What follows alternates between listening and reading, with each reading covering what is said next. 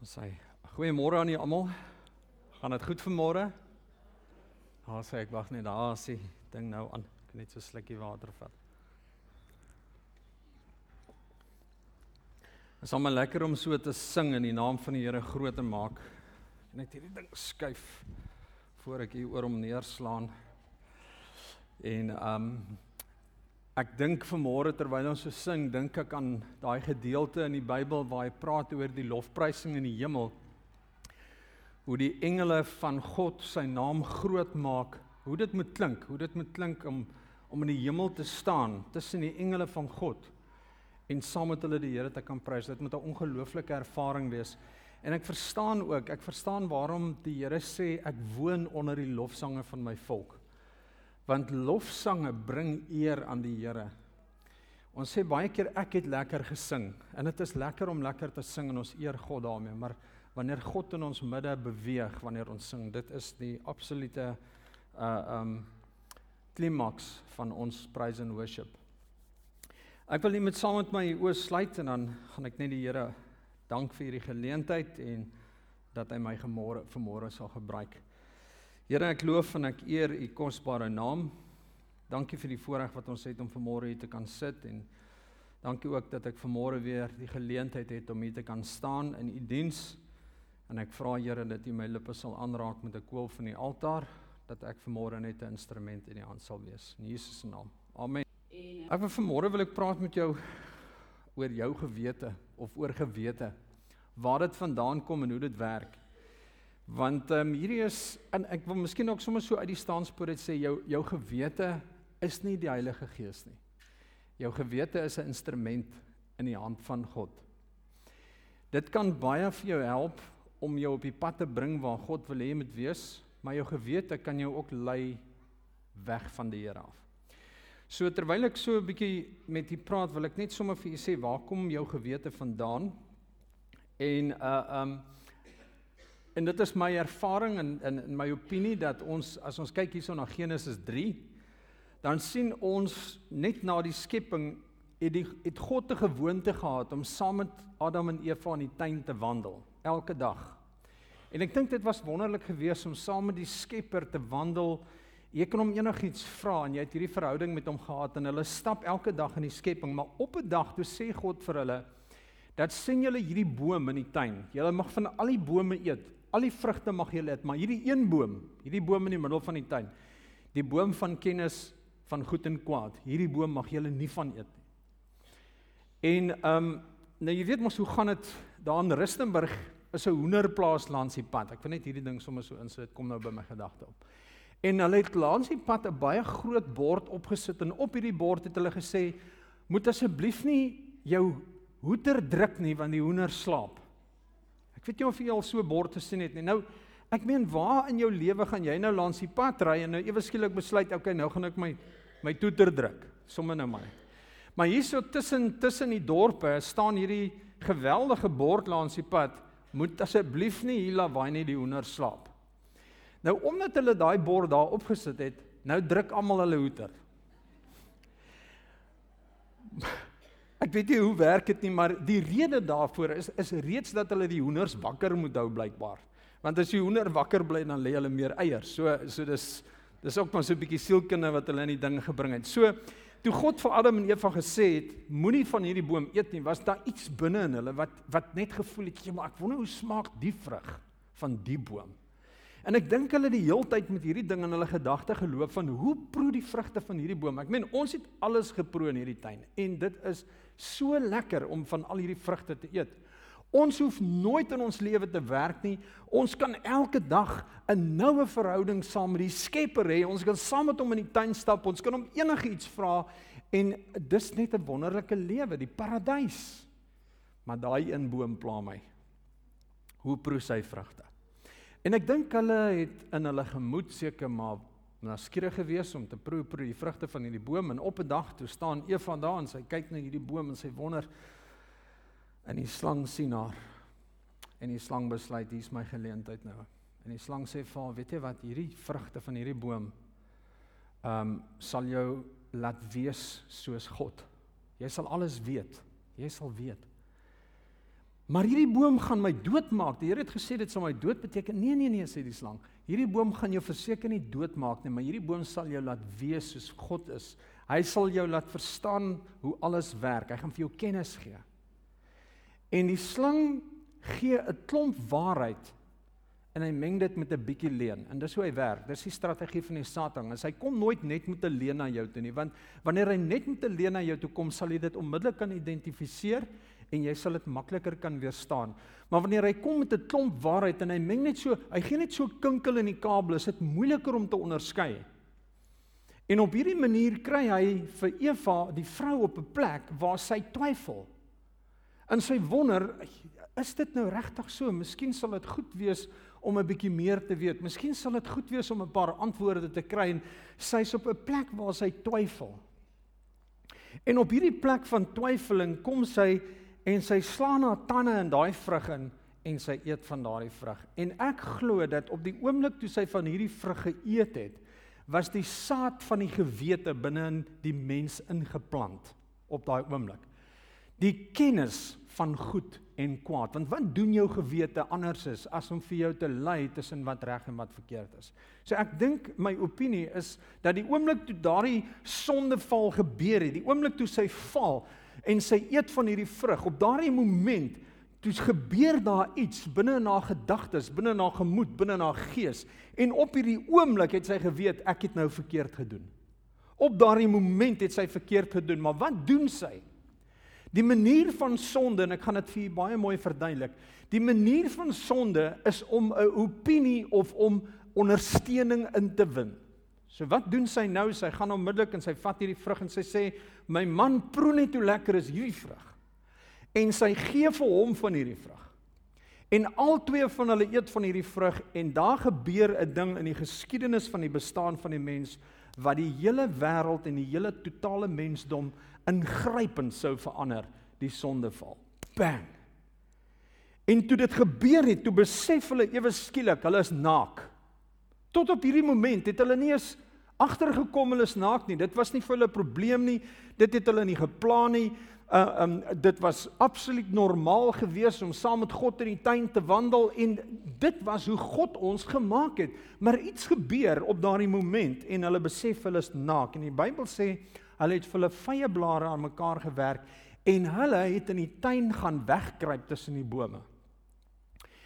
En in uh, Genesis 3 vers 8 toe God na die in die aandwind kom wandel saam met die mens wat hy gemaak het, stap hy daar. Die Bybel sê en hy het na hulle geroep en gevra: "Waar is julle? Waar's jy? Waar is julle? Hoekom is julle weg? Hoekom kruip julle weg?" Waar is julle? En ek dink God vra hierdie selfde vraag vandag nog vir ons. Waar is jy? En die mens kom agter die plant uit en sê ons het vir u weggekruip. Maar hoekom kruip julle vir my weg? Want ons is naak en ons is skaam en God vra, maar hoe weet jy dat jy naak is? Het jy nie van hierdie boom geëet wat ek vir jou gesê het jy nie moet van eet nie? Ja. En die Bybel sê daarso en God sê hierdie woorde, hy sê het jy dit maar nie gedoen nie. Het jy dit maar nie gedoen nie. En hier is die saad van die gewete binne in die mens ingeplant. En die gewete kan vir jou help om te weet wat die regte ding is om te doen of dit kan jou laat wegkruip vir God. Een van die twee. En ek wil vanmôre wil ek vir jou mooi verduidelik hoe hierdie skuldgevoel en hierdie gewete binne in ons werk. Want ehm um, ek dink God vra vandag nog vra hierdie vraag en hy vra vir dit vir ons vandag, waar is jy? So toe God hierdie vraag gevra het vir Adam en Eva, het het die mens 'n keuse gehad. Hy op daardie oomblik kon hy kies. Hy kon kies of hy sy skuld sou bely en sê Vader, ons was verkeerd. Ons ons het 'n fout gemaak. Ons het geëet van hierdie boom wat U gesê het ons nie mag eet nie. Maar hulle het dit nie gedoen nie. Wat het die vrou gedoen? Die die die man het onmiddellik gesê, "Maar moenie my beskuldig nie, want hierdie vrou wat u my gegee het, sy het vir my hierdie vrug gegee." En ek dink God het vir die vrou gekyk en nog voor hy iets kon sê, toe sê die vrou, "Maar moenie vir my vra nie, dis dis die slang." Jy sien onmiddellik is blaamverskywing en beskuldiging deel van die prentjie. Dit was nooit voorheen so gewees nie. Plaas het hy maar net gesê ek was verkeerd. Ek ek het ek het verkeerd opgetree. Dis die twee keuses wat jou gewete letterlik aan jou stel is jy doen of die regte ding of jy ontken dit en jy doen die verkeerde ding. Jou gewete gaan jou of nader na God toe bring en jou die regte ding laat doen of jou gewete gaan jou laat wegkruip vir God. Dis die twee dinge wat gaan gebeur. So vers 22 sê God die volgende. Hy sê as hy dit nou maar nie gedoen het nie. En hier sit ons vandag al hierdie jare later en ons sit met hierdie probleem wat nou? En ek wil vanmôre wil ek hê jy moet saam met my hierdie gedeelte lees in die Bybel. En dit was vir my opvallend om te sien dat die saad van die gewete ingeplant is in enige mens. Maak nou nie saak of jy glo of jy nie glo of jy 'n Christen of nie 'n Christen is nie, maak nie saak nie. Romeine 2 vers 14 tot 15 sê die volgende. Hy sê hy sê almal tot die heidene het hierdie innerlike wet van God wat op hulle harte geskrywe staan. Maar gehoorsaamheid daaraan is 'n besluit wat jy neem. Kom ons stop net gou-gou daarso. Hy noem dit die innerlike wet van God. Nou wil ek vir jou iets vertel van die gewete. Die gewete is nie iets wat jy kan opdragte gee en dink hy gaan dit uitvoer nie. Jy kan nie vir jou gewete sê lieg en dan lieg hy nie. Dis asof jy geen invloed het oor jou oor jou gewete nie. Al wat jy kan doen is jy kan die stem van jou gewete kan jy ignoreer. Dis wat jy kan doen. Of jy kan daarop reageer en doen wat hy voorstel. Maar jy kan nie vir jou gewete sê bly stil en dan bly hy stil nie. Dis asof die jou gewete eintlik totaal en al onaantastbaar is. Hy's hy's hy's daar, maar hy praat met jou. Dis hierdie stemmetjie wat met jou praat in jou gedagtes en en jy kan hom nie stil maak nie. Jy kan hom net ignoreer. Hy voer geen opdrag uit wat hy vir jou gee nie. En daarom sê hy so, hy sê maar gehoorsaamheid daaraan is 'n besluit wat jy neem. So ek kan besluit, gaan ek hierdie stem gehoorsaam? Gaan ek daarop reageer of gaan ek dit ignoreer? Nou sê hy verder in Romeine 2 vers Ekskuus, daar's 'n foutjie daar met die met die teks sien ek. Hy sê wanneer die heidene wat nie die wet van God het nie, tog van self dinge doen wat die wet vereis, is hulle vir hulle self 'n wet al het hulle nie die wet nie. Die optrede van sulke mense bewys dat die eise van die wet in hulle harte geskrywe staan, ook hulle gewetens getuig daarvan wanneer hulle in 'n innerlike tweestryd deur hulle gedagtes aangekla of vrygespreek word. So jou gedagtes gaan jou aankla, jou gewete gaan jou aankla of dit gaan jou vryspreek. En ek dink hierdie is die plek in 'n mens se gedagtes waar dit waar die, waar die Heilige Gees sy inspraak het waar hy sê my gees gaan saam met die gees van God getuig dat ek 'n kind van God is. Want daar's geen ehm um, beswaar op my gedagtes, daar's geen beklemming op my gewete dat my gewete my aankla oor iets nie. Met ander woorde, die gees van God getuig saam met my gees dat ek 'n kind van God is, my gewete, ek lewe bo verdenking. En ek dink as jy daar kom, dan kan jy weet ek is nou besig om te begin om geestelik te groei. Dis nie die dis nie die die ehm um, die mylpaal waar waarna ons streef nie. Dis net die begin. God het my vrygespreek. Hy het my gedagtes bevry. Hy het my gewete bevry. Ek gaan nou-nou daarby uitkom. Baie van ons sit vandag met hierdie probleem. Baie mense sit vandag met hierdie krisis binne in hulle harte. Hulle weet in hulle gemoed, weet hulle daar's goed wat ek moet regmaak. Hulle weet in hulle harte, hulle weet, hulle gewete hulle aan dat daar's mense wat ek moet vergewe, maar ek kan hulle net nie vergewe nie. Ek en Martha sal een of ander stadium gaan ons met julle ons getuienis deel wanneer ons reg is om dit te doen. Jy kom op 'n plek in jou lewe waar jy voel jy wil nie vergewe nie. Jy het te seer gekry. Jy kom op 'n plek waar jy voel jy wil genadeloos wees. Ek kan vanmôre wil ek vir jou dit sê. Genade gebeur op die plek waar jy genadeloos wil wees. Vergifnis gebeur net op die plek waar jy al die redes kan aanvoer waaroor jy nie wil vergewe nie. Dis waar vergifnis gebeur. Dis waar hierdie goeters gebeur. Jy sien jou gewete sê vir jou jy moet hierdie dinge regmaak, maar jy stoei teen dit want jy voel, hoe kan jy dit doen? Jy het dalk dinge verkeerd gedoen met die werk. Jy het dalk goed gevat wat jy nie moes vat nie en en jou gewete kla jou aan. Ek onthou op skool, um, ek was 'n matriek gewees en um, ek was die klaskaptein. En die juffrou is uit die klas uit en soos in elke klas is daar maar 'n klomp Filistyne. Ek was ook een Filistyn op 'n tyd in my lewe. En ehm um, toe die juffrou uit die klas uit is, toe besluit ons maar hier lê haar aktetas op die tafel en binne in daai aktetas is die antwoordblad van môre se vraestel. Môre se vraestel is so ver soos van hier af soontoe. En een van die ouens in die klas staan op en hy maak hierdie tas oop en hy sê: "Ouens kom." En hy begin en hy lees hierdie antwoordblad. Vraag 1A, hier's die antwoord. En hy gaan en daai ouens skryf hulle die rook op hulle draai. Daai hele monkey puzzle en al daai goed, vraag 1 is A, 2 is B en so gaan hulle aan. En daai ouens gaan huis toe en al wat hulle lees is leer is net onthou net vraag 1 se keuse is B en hulle leer hierdie ding uit hulle kop uit. In daai aand kan ek nie slaap nie. My gewete ry vir my tot in daantjie se kellerhok. Ek kan nie slaap nie. Hierdie wetenskap vraestel is hier voor my. As ek my oë toemaak, dan sien ek hierdie juffrou se gesig. So ek lê net maar met my oë oop deur die nag. En ek besluit toe daai volgende môre Ek gaan doen wat reg is. Ek kan ek kan nie ek kan nie verby my gewete kom nie. My gewete kla my so aan. En daardie oggend vroeg vroeg, toe's ek by die skool en ek wag vir daai juffrou. En toe sy by die skool stop, toe sê ek vir haar juffrou ek het iets om te bely. Daai vraestel.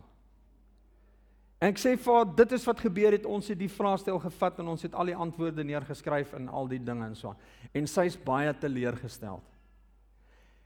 En sy sê vir my dankie dat ek vir haar kom sê het, maar ek voel nou ook so sleg want nou wat nou van al my vriende? Hulle gaan hierdie toets dryp. En ek sê vir hulle, ouens, moenie hierdie toets leer nie, hierdie vraestel leer nie want ek sê nou vir julle ek het die juffrou vertel, maar hulle glo my nie. En hulle gaan skryf daai eksamen. Ja, uiteinde van die dag is net ek en my vriend wat my geglo het dat ek die juffrou gaan gesê het, ons twee het geslaag. Die res van die klas het almal die ou memorandum geleer en gedryp. So 'n ou se gewete kla jou aan wanneer jy dinge verkeerd doen. Maar weet jy wat gebeur met jou gewete is dat wanneer jy iets verkeerd doen en jy voel jy dan voel jy hierdie drang om jouself te oortuig. Nee man, is nie so erg nie. Dis nie so erg nie. Uh los dit nou daarso. Weet jy hierdie ou, hy moet my eers om vergifnis vra, dan sal ek hierdie saak regmaak.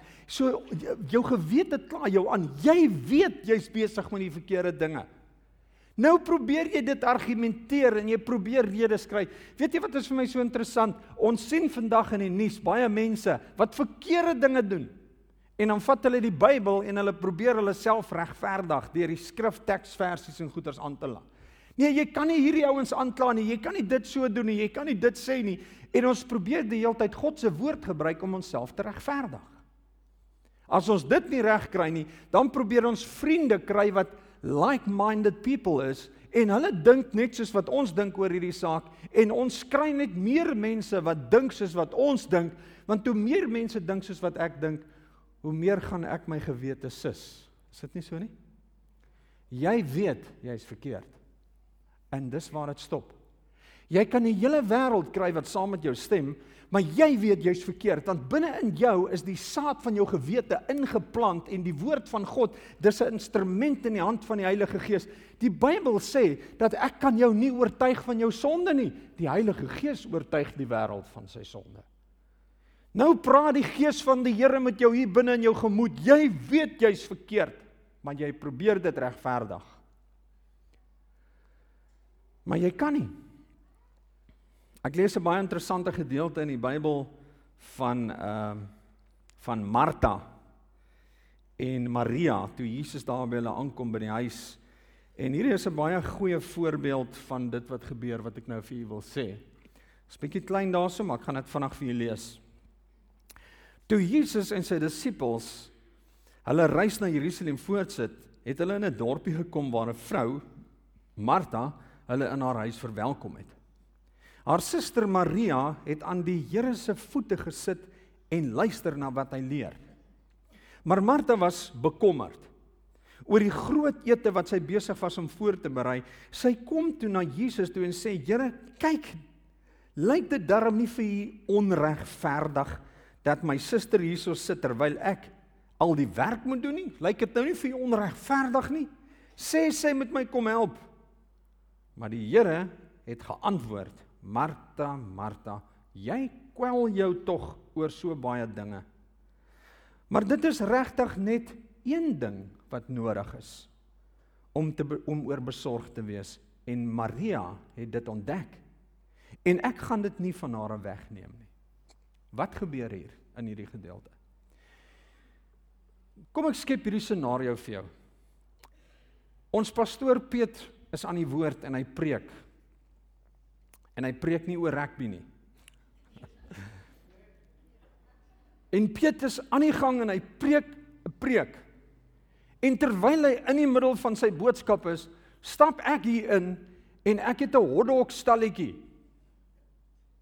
En ek begin die vlamme aansteek en hotdogs verkoop en hotdogs maak in die middel van die diens. Dis presies dieselfde wat hier gebeur. Die Bybel sê Maria het aan die voete van Jesus gesit en geluister na dit wat hy besig was om te leer. Wat het Martha gedoen? Martha was besig met die kos. Sy is nie in haar verstand ingeskakel by wat besig is om te gebeur, die belangrike ding. Dis net so goed ek verkoop hotdogs in die middel van Piet se preek. Dis wat hier gebeur. En Jesus sê, hier kom maar hier kom Martha en Martha sê, "Maar Here, lyk dit nou nie vir u onregverdig nie. Kyk hoe hard werk ek nou aan hierdie hotdogs en hier sit my suster en sy luister na 'n preek." Jy sien wanneer jy iets verkeerd doen, dan soek jy regverdiging daarvoor. Die beste ding is, is om te luister na Jesus se woorde, maar die regverdiging is lyk dit nou nie vir u onregverdig nie. Laat sy my kom help, maar Jesus sê jammer. Hierdie vrou het die beste deel gekies. Dit sal dalk beter wees vir jou om die kos eers te los en ook hier te kom sit en leer, want ek gaan nie vir altyd by julle wees nie. Wanneer mense die verkeerde ding doen, soek hulle altyd iemand wat saam met hulle stem. Het jy al gehoor wanneer iemand skinder oor iemand anderster, wat gebeur? Hulle praat altyd oor hierdie persoon en dan praat hulle met jou asof jy hulle wil jou oortuig om dieselfde te voel. Ja nee, ja nee, is nogal so, jy weet, hierdie persoon, ja, is nogal skorrelkop.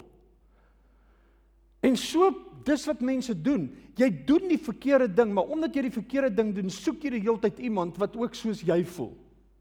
Matteus 18 vers 19 sê die volgende, ek gaan nou 'n bietjie weer daaroor praat. Hy sê daarso, hy sê want twee of drie saamstem oor 'n saak, so sal dit wees. Dis nie net die goeie dinge nie, né? Gaan kyk 'n bietjie deur die nuus en dan sal jy sien dat waar daar inbrekers plaasvind of een of ander gedrog 'n uh, uh, bedrog word gepleeg of so, is daar altyd meer as een persoon betrokke, want hulle probeer mekaar oortuig om die verkeerde dinge te doen. En dit is wat hier gebeur en dit is wat ons baie keer vandag doen. So ons soek ander mense se opinie om vir ons gemoedsrus te gee. En ons doen dit op een van twee maniere. Ons vra vir ander mense, is dit nou verkeerd om so en so te maak? Jy weet dit is verkeerd. Jy het nie nodig om dit te vra aan iemand anders nie. Jy weet, jou gewete konfronteer jou. Jou gewete sê vir jou jy is besig met die verkeerde dinge. Jou gewete sê vir jou dit is nie hoe God jou gemaak het nie. Jou gewete sê vir jou maak reg. Jou gewete sê vir jou los uit. Jou gewete sê vir jou gaan. Jou gewete sê vir jou bly. Jou gewete sê vir jou stop, maar jy sê nee. Jy vra eerder hierdie vraag. Hoekom is dit nou verkeerd om nou so te voel? Hoekom is dit nou verkeerd om dit of dat te sê? Hoekom is dit nou verkeerd om hierdie opinie te hê? Maar weet jy wat, kom, ons kom nie verby God met dit nie. Ons kom nie verby God met hierdie argumente wat ons het die hele tyd met onsself nie. Ons staan voor die troon van die Here op daardie oomblik waar jou gewete vir jou sê en hierdie instrument in die hand van God kla jou aan en sê vir jou hier is die pad, wandel volgens dit, maar jy sê nee, hierdie een lyk vir my beter. Ons wonder en ons stoei, wat is die wil van God in my lewe? Ek sukkel om uit te vind, wat is dit wat God wil hê ek moet doen? Maar weet jy wat hier binne in my hart, binne in my wese, binne in my geskape liggaam het God hierdie instrument gesit om vir my te help om te besluit tussen wat reg en verkeerd is in my lewe.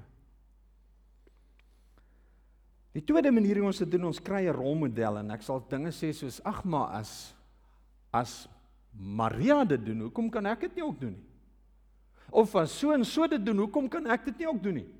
As hierdie ene die goeters vat, hoekom kan ek dit nie ook doen nie? As hierdie ene afkyk in 'n toets, hoekom kan ek dit nie doen nie? Hoekom moet ek dan so hard leer as hy dit net kan kry? Hoekom dit? Hoekom dat? Ons vra die hele tyd hierdie vrae, maar ek wil vanmôre wil ek weer vir jou sê, ons kom nie verby God met daardie argumente nie. Op 'n tyd in my lewe Um het ek baie dom foute gemaak. Ek het laasweek het ek vir jou gesê een van die wonderlikste dinge wat God vir die mense gee het was ons vermoë om besluite te kan neem. Maar die probleem met hierdie vryheid wat die Here vir ons gegee het, is dit ook dit ons ons grootste struikelblok want ons ons ons neem dom besluite. Ek het dom besluite geneem en baie keer het ek dan het ek 'n ding wou, wil ek 'n ding doen en dan begin ek myself regverdig. Ja, ek moet hierdie kar koop, jy weet, want want hierdie kar ehm um, sja, ek moet so 'n kar hê. Dit en dit is die redes of ek moet so rekenaar hê of ek moet dit ek moet hierdie ding hê, man. En nou begin ek my vrou argumenteer. Weet jy, my engel, jy weet ons moet so ding hê want dit en dit en dit maar hier in my hart weet ek is 'n bietjie 'n mal prys hierdie.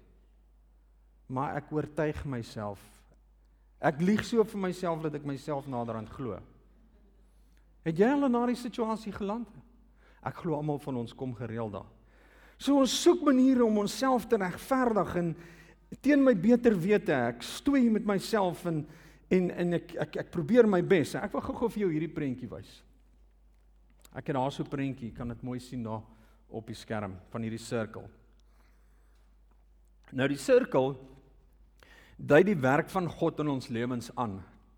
God praat met jou en God se praat met jou nooit op nie. Hy praat met jou die hele tyd. Die enigste verskil is jy word doof vir sy stem. Jy hoor hom nie meer met jou praat nie. Jy kom op hierdie plek waar jy net nie meer sy stem hoor nie en jy kan nie daarop reageer nie. Jy raak doof vir die stem van jou gewete. Nou daar's die rede daarvoor vind ons in die Bybel. Ek het ek dink ek ek gaan nou sommer net vir die tekste aanhaal is in 2 Korintiërs 4 vers 4 en 1 Johannes uh, 2 vers 11. Hy sê in 2 Korintiërs 4 vers 4, hy sê die god van hierdie wêreld, met ander woorde die Satan, hy sê hy sê die Satan sal jou sinne verblind sodat jy die lig van die evangelie nie meer sal sien nie. Hy maak jou so blind dat jy nie kan reageer op God se woord in jou lewe nie. Jy kan nie meer reageer om die regte dinge te doen nie. Jy jy jy hoor nie meer die stem van jou gewete nie. Jy doen sommer net hierdie verkeerde dinge. Dit raak tweede natuur by jou om dit te doen. Want die God van hierdie wêreld het gekom en hy het jou sinne verblind sodat jy nie meer kan respond. You cannot respond on the calling. Jy hoor net nie meer hierdie stem nie. Maar God praat aanhoudend met ons. Sy praat hou net nooit op nie. Jy sien hierdie ding werk so. Eerstens ehm um, is daar 'n gedagte wat by jou opkom. En die gedagte kom by jou op om 'n ding te doen of nie te doen nie. En nou het jy 'n keuse. Jy kan nou 'n besluit neem want elke keer tussen elkeen van hierdie vier kwadrante is daar 'n besluit wat jy moet geneem word. Daar's 'n opening. So jou gedagte, daar kom 'n gedagte by jou op. En jou gedagte is iets soos ehm um, weet jy wat gaan sê vir hierdie persoon die Here is lief vir hom of doen iets vir hierdie persoon of moenie dit doen nie of moenie dat nie. Daar's 'n gedagte wat by jou opkom. Hierdie gedagte kom by jou op. Nou het jy 'n keuse. Gaan jy dit doen of gaan jy dit nie doen nie? Ja, ek dink die leiding van die Heilige Gees werk al klaar in daardie eerste kwadrant by van hierdie dinge wat met jou gebeur. Maar nou het jy besluit. Nou nou besluit jy gaan ek dit doen of gaan ek dit nie doen nie. Dis die reaksie, jou tweede kwadrant. Die reaksie wat ek nou gaan hê. Gaan ek dit doen, gaan ek dit nie doen nie. Nou besluit ek om die ding te doen wat ek eintlik nie moet doen nie. Ek doen die verkeerde ding. Die verkeerde ding aktiveer nou onmiddellik die derde kwadrant. My gewete skop nou in werking en sê vir my jy het nou die verkeerde ding gedoen. Of my gewete stem saam met wat ek gedoen het en sê vir my well done. Jy het die regte ding gedoen. Maar nou sê my gewete vir my jy het die verkeerde ding gedoen. Nou sit ek weer voor 'n besluit. Gaan ek nou teruggaan en sê, weet jy, ek is jammer ek het vir jou 'n leuen vertel. Ek is jammer ek het jou bedrieg. Ek is jammer ek het jou seer gemaak. Ek is jammer ek het jou gevloek. Ek is jammer ek het hierdie dinge oor jou gesê. Jy het nou 'n tweede geleentheid om te gaan regmaak. Dit is waar jy hierso is jy kan nou 'n aksie neem op grond van wat in jou gewete gewete gebeur het. As jy dit nie doen nie, dan gaan dit weer in jou gedagte en jy besluit nee nee wat jy weet ek gaan nie hierdie ou sommer ek weet hy hy verdien dit om so behandel te word. En hierdie ding gaan al verder en verder gaan dit af. En weet jy wat gebeur? Daar is 'n tornado, 'n spiraal wat besig is om plaas te vind in jou kop. Hoe meer jy die stem van die Heilige Gees ignoreer, hoe meer jy die stem van jou gewete ignoreer, hoe verder word jy ingetrek in hierdie spiraal wat al verder en verder afgaan. En gaan kyk 'n bietjie, ek het gister gaan kyk na 'n paar foto's van tornado's. Hoe verder jy afgaan in daardie tornado, daaronder by sy punt, is hy so sterk dat hy verwoesting saai. Hy waai geboue uit die grond uit. Hy verwoes infrastruktuur soos min dinge kan doen. Hoe verder jy afgaan in hierdie spiraal, hoe sterker word die houvas op jou lewe en hoe groter word die verwoesting. En dit vat jou net verder en verder weg en dit raak hoe verder dit gaan, hoe moeiliker raak dit om te reageer op die stem van jou gewete. En ek wil vanmôre wil ek vir jou sê, daai skets dui vir jou aan dat daar 'n punt is waar jy sondig teen die Heilige Gees. 'n Sonde wat die mens nie vergewe word nie. Ons lees daarvan in Hebreërs 10 vers 26. Hy sê as jy aanhou sondig nadat jy die kennis van die waarheid ontvang het, is daar geen offer meer wat jou sonde kan wegneem nie. Ek gaan dit nou vir julle wys. Maar ek wil net gou-gou vir jou 'n videoetjie wys. En die videoetjie is 'n aanduiding presies wat gebeur. Vier dinge gebeur nou hierso. Ek het eerstens 'n gedagte wat ek moet doen en nie moet doen nie. Nou begin ek myself oortuig. Ja, my gewete sê ek moet dit doen nie, maar o, oh, hier doen ek dit. En nou nadat ek dit gedoen het, nou voel ek sleg. So ek gaan gou-gou vra dat hulle vir ons daai video Daar sê Jy sien wat gebeur met ons, net soos wat met daai worsond gebeur. Jy kom voor hierdie situasie te staan in jou lewe waar jy besluit moet neem. En jy weet binne in jou hart, weet jy dis die regte ding om te doen of jy weet in jou hart is die verkeerde ding om te doen. Gewoonlik wanneer dit die verkeerde ding is om te doen, soek jy 'n maatjie wat saam met jou stem. Jy soek iemand wat dink soos wat jy dink en jy probeer jouself oortuig. Jy soek redes, jy Google en jy soek allerlei dinge wat jy weet jy moet nou net 'n antwoord kry om jouself te oortuig. Maar ek sê nou vanmôre vir jou. Jy kom nie verby God met dit nie. Jy kom verby Google en jy kan jouself oortuig en jy kan vir jouself lieg want ek sê vir jou die grootste leuen wat ons vertel vandag is die leuen wat ons vir onsself vertel. Elke dag. Jy moet ophou om dit te doen want jy kom nie verby die Here met dit nie. Nou goed. Nou sê die woord van die Here vir ons hierso. Ek het hierdie teks het ek vir u aangehaal. Hy sê vir ons wanneer ons opsetlik bly sondig nadat ons die kennis van die waarheid ontvang het, is daar geen offer meer wat ons sondes kan wegneem nie. Daar bly alleen 'n verskriklike verwagting oor van oordeel en 'n gloeiende vuur wat die teenstanders van God sal verteer. Daar sal niemand in die hel kom wat nie teen die Heilige Gees gesondig het. Almal wat in die hel is, sal glo. Ek dink die hel sal die mees gelowigste plek wees wat daar bestaan. Almal wat daar is sal glo. Te laat. Te laat.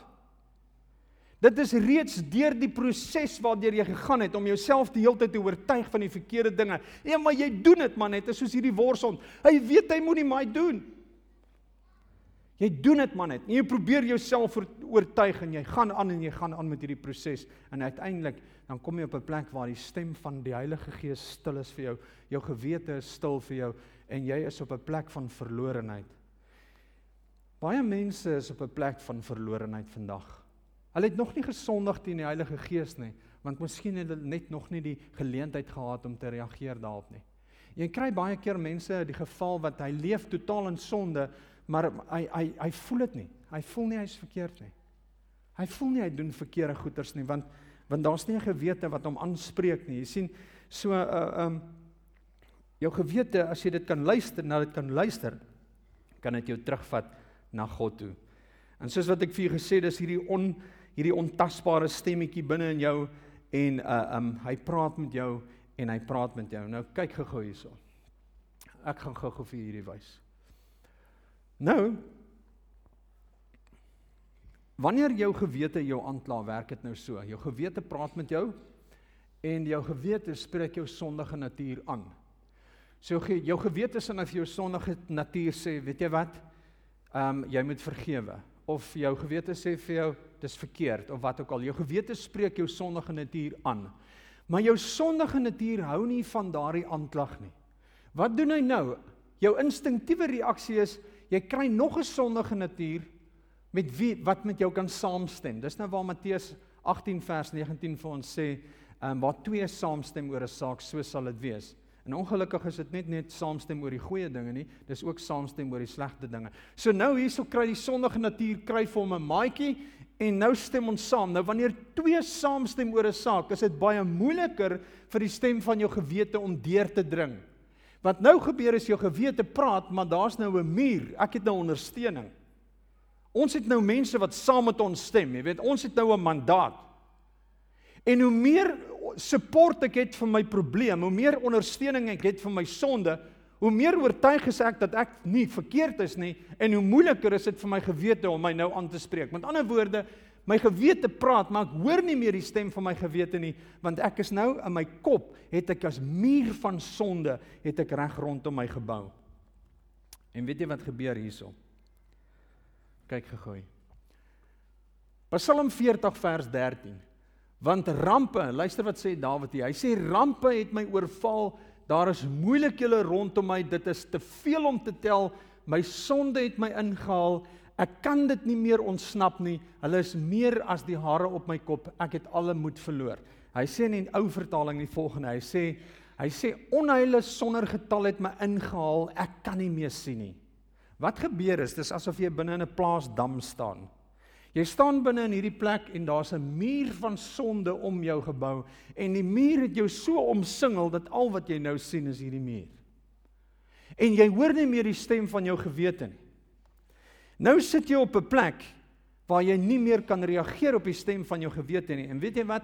Jy is nou presies waar die duiwel jou wil hê, op jou eie aangewese. Want nou luister ek nie meer na my gewete nie. Ek kan hom nie meer hoor nie. Ek het myself so oortuig van my situasie en van my sonde dat ek absoluut glo dat daar niks meer fout is nie. Ek is so oortuig daarvan. Ek is nou presies hier waar hierdie Psalm sê ek is Ek onheile sonder getal het my ingehaal. Ek kan nie meer sien nie. Ek is nou verblind deur hierdie sonde. Ek is op 'n plek van totale verlatenheid. God praat met my. Ek kan hom nie hoor nie. Ek dink dit is hier waar Jesus gesê het Matteus 13 vers 13. Hy sê julle sal luister, maar julle sal nie hoor nie. Julle sal kyk, maar julle sal niks kan sien nie. Jy sien hierdie sonde het so muur om my gebou hierso. Ek kan nie reageer nie. Dit is nou letterlik wat 2 Korintiërs 4 vers 4 nou nou vir ons gesê het.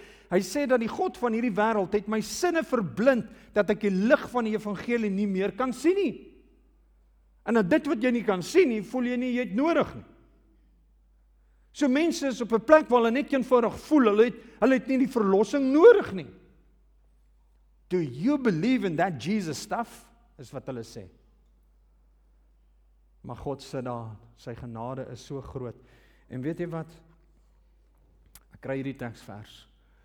Ons gewete, as ons gewete ons veroordeel. God is groter as ons gewete. Hy weet alles. 1 Johannes 3 vers 30. Daar is net mooi niks in hierdie lewe wat jy vir God kan wegsteek. Selfs daar diep binne in jou hart, binne in jou gedagtes, daar is God en hy is gereed om jou te antwoord. Hy's gereed om jou vry te spreek. Hy's gereed om jou sondes te vergewe as jy net op 'n plek kan kom waar jy kan sê, Here, ek is vasgedraai in my kop. My sonde het my ingehaal. Ek weet nie meer wat ek kan doen nie. Ek kom nou hier en ek roep uit na U toe, help my en breek hierdie bande van die duiwel in my lewe sodat ek weer die lewende God kan dien. Die Bybel sê in Romeine 3 vers 23, hy sê almal van ons het gesondig. Almal van ons, hy sê in Romeine 6 vers 23, hy sê hy sê die loon van die sonde is die dood.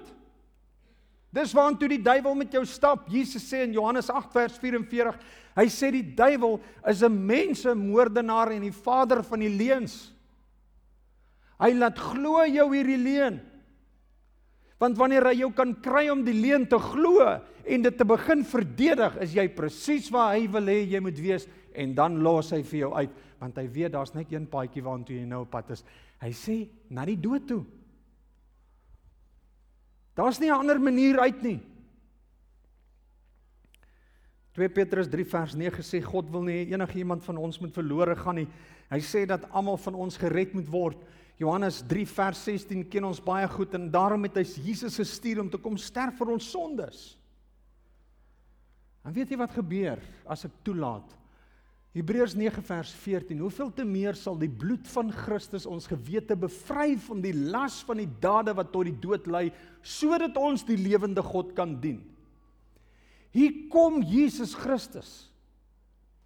My gedagtes en my gewete is cast in stone. Ek kan nie meer reageer op die stem van my gewete nie. Hierdie instrument wat die Heilige Gees in my kop gebruik en my lewe gebruik, is vasgevries. Ek het sonde om my gebou. Ek het argument op argument versamel. Ek het klomp mense gekry wat saam met my stem I'm in untouchable. Maar wanneer ek toelaat dat die Here Jesus se werk doen in my lewe, dan sê die woord van die Here vir my daardie bloed van Christus sal my gewete bevry sodat ek die lewende God weer kan dien. Is dit nie waar ons almal maar wil kom nie? Dit is waar ek wil kom. Dit is waar ek wil wees. En weet jy wat sê hy hierso? Ek sluit af met hierdie teks, dis my laaste skyfie. Hy sê hou vas, hou styf vas. Nie net vashou nie, hou styf vas aan jou geloof. En hou altyd jou gewete skoon. Want sommige mense het opsetlik hulle gewete eenkant toe gestoot en as gevolg daarvan het hulle hulle aan die geloofsgebreek gelei. 1 Timoteus 1 vers 19 sê Paulus vir Timoteus. Omdat sommige mense hulle gewete eenkant toe gestoot het, het hulle aan die geloofsgebreek gelei. As jy die stem van jou gewete dooddruk, kan ek nou vir jou sê is dit onmoontlik om God te eer met jou lewe. Dit is onmoontlik. Jy kan nie God jy kan nie glo in God wanneer jy die stem van jou gewete net eenvoudig dooddruk en sê uh, asseblief met my nou nie verder aankla oor hierdie saak nie. Ons het mos nou daaroor gepraat. Maar die Here sê jy moet gaan regmaak. Hy sê in sy woord en ek weet nie hoekom voel ek in my gees ek moet praat oor vergifnis nie. Hy sê in sy woord in in Matteus sê Jesus self, hy sê as jy nie kan vergewe nie, kan God jou nie vergewe nie. So so erg is dit. As jy nie kan vryspreek nie, kan God jou nie vryspreek nie. Jy's gebind en jy's net daar waar die duiwel jou wil hê. Jou gewete praat met praat met jou oor daardie dinge wat jy wat jy nie doen nie, wat jy gedoen het wat verkeerd is of planne wat jy het of wat ook al die geval mag wees, waarmee God ook al met jou besig is. Hy praat met jou, die stem is daar. Jy hoor dit, jy kan nie van dit ontsnap nie. Jy kan dit net stil dooddruk in jou lewe. As jy vanmôre kan reageer op hierdie stem, wil ek vanmôre vir jou sê gaan die Here vir jou vrymaak. Hy sê die bloed van Christus gaan jou gewete bevry sodat jy die lewende God kan dien. Is dit nie waar jy wil wees nie? My uitroep vanmôre aan jou is die volgende. Hou op met slim argumente. Hou op met slim praatjies. Hou op met jou oortuigings, met jou opinies. Hou net op met hierdie dinge. Stop vir 'n oomblik en sê vir jouself, wat is God besig om nou vir my te sê? En reageer. Die hele Bybel is geskryf deur mense wat kon reageer op die stem van die Heilige Gees.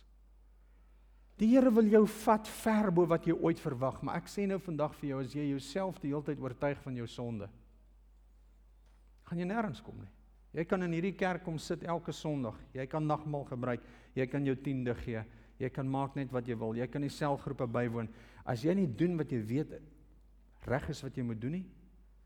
As jy nie kan reageer op hierdie stem wat die Here met jou praat oor nie, As jy nie ophou met die dinge wat verkeerd is in jou lewe nie, stuur jou lewe op 'n ramp af. Die woord van die Here sê vir ons baie duidelik. Hy sê daar in die in die hemel sal baie mense voor hom staan en sê: "Maar Here, ons het in U naam, in U naam het ons duiwels uitgedryf. In U naam het ons siekes gesond gemaak. In U naam het ons kerk toe gekom. In U naam het ons dienes gegee. In U naam het ons nagmaal gebruik. In U naam het ons dit of dat gedoen. Ons het vir die armes kos gegee en Jesus sal vir hulle sê: "Gaan weg voor my werkers van die ongeregtigheid, want ek ken julle nie." Ek ken julle nie. Hoe verskriklik. Gaan lees 'n bietjie Hebreërs 10. Hoe verskriklik is dit om te land in die hande van 'n lewende God. God se genade word so duidelik oor ons uitgestort. Hy's daar op hierdie oomblik en hy sê vir ons I want to pick you up. Ek wil jou optel, ek wil jou vrymaak. Ek wil jou gedagtes bevry dat jy my vry kan dien. Ek wil jou losmaak. Ek wil die kettinge van jou afruk. Sê net vir my ek moet dit doen. God respekteer jou wilsbesluit. Dis 'n kragtige ding. As jy vanmôre sê, Here, hier is ek. Breek hierdie bande in my lewe. Kan nie langer so aangaan nie. Dan gaan jy vrykom. En jy gaan 'n nuwe dimensie van jou geestelike lewe binnegaan. Jy gaan 'n nuwe dimensie van jou bestaan op hierdie aarde binnegaan, iets wat jy tot op hede nog nie beleef het nie. Maak los van daardie sonde.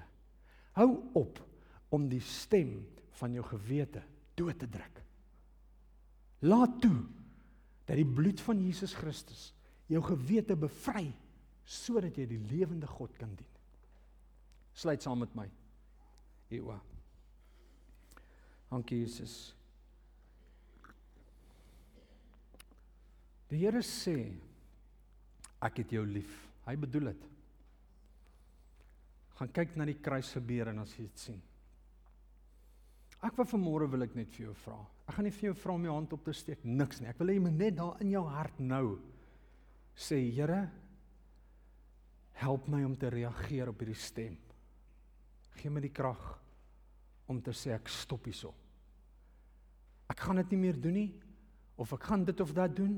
Ek gaan nou reageer op hierdie stem wat met my praat. Ek gaan dit nie langer uitstel nie. Dit is vir jou eie beswil. Here, ek vir vanmôre kan U alleen elke hart sien vanmôre. U alleen kan reageer op elke op elke hart wat nou uitroep na U toe.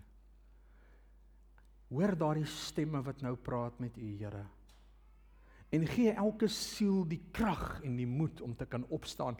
En ek bid in die naam van Jesus dat U bloed die gewete kan bevry sodat ons die lewende God kan dien. Dankie daarvoor, Here. Dankie dat U woord nie leeg sal terugkeer nie, maar dat dit sal vrug dra in Jesus se naam. Amen.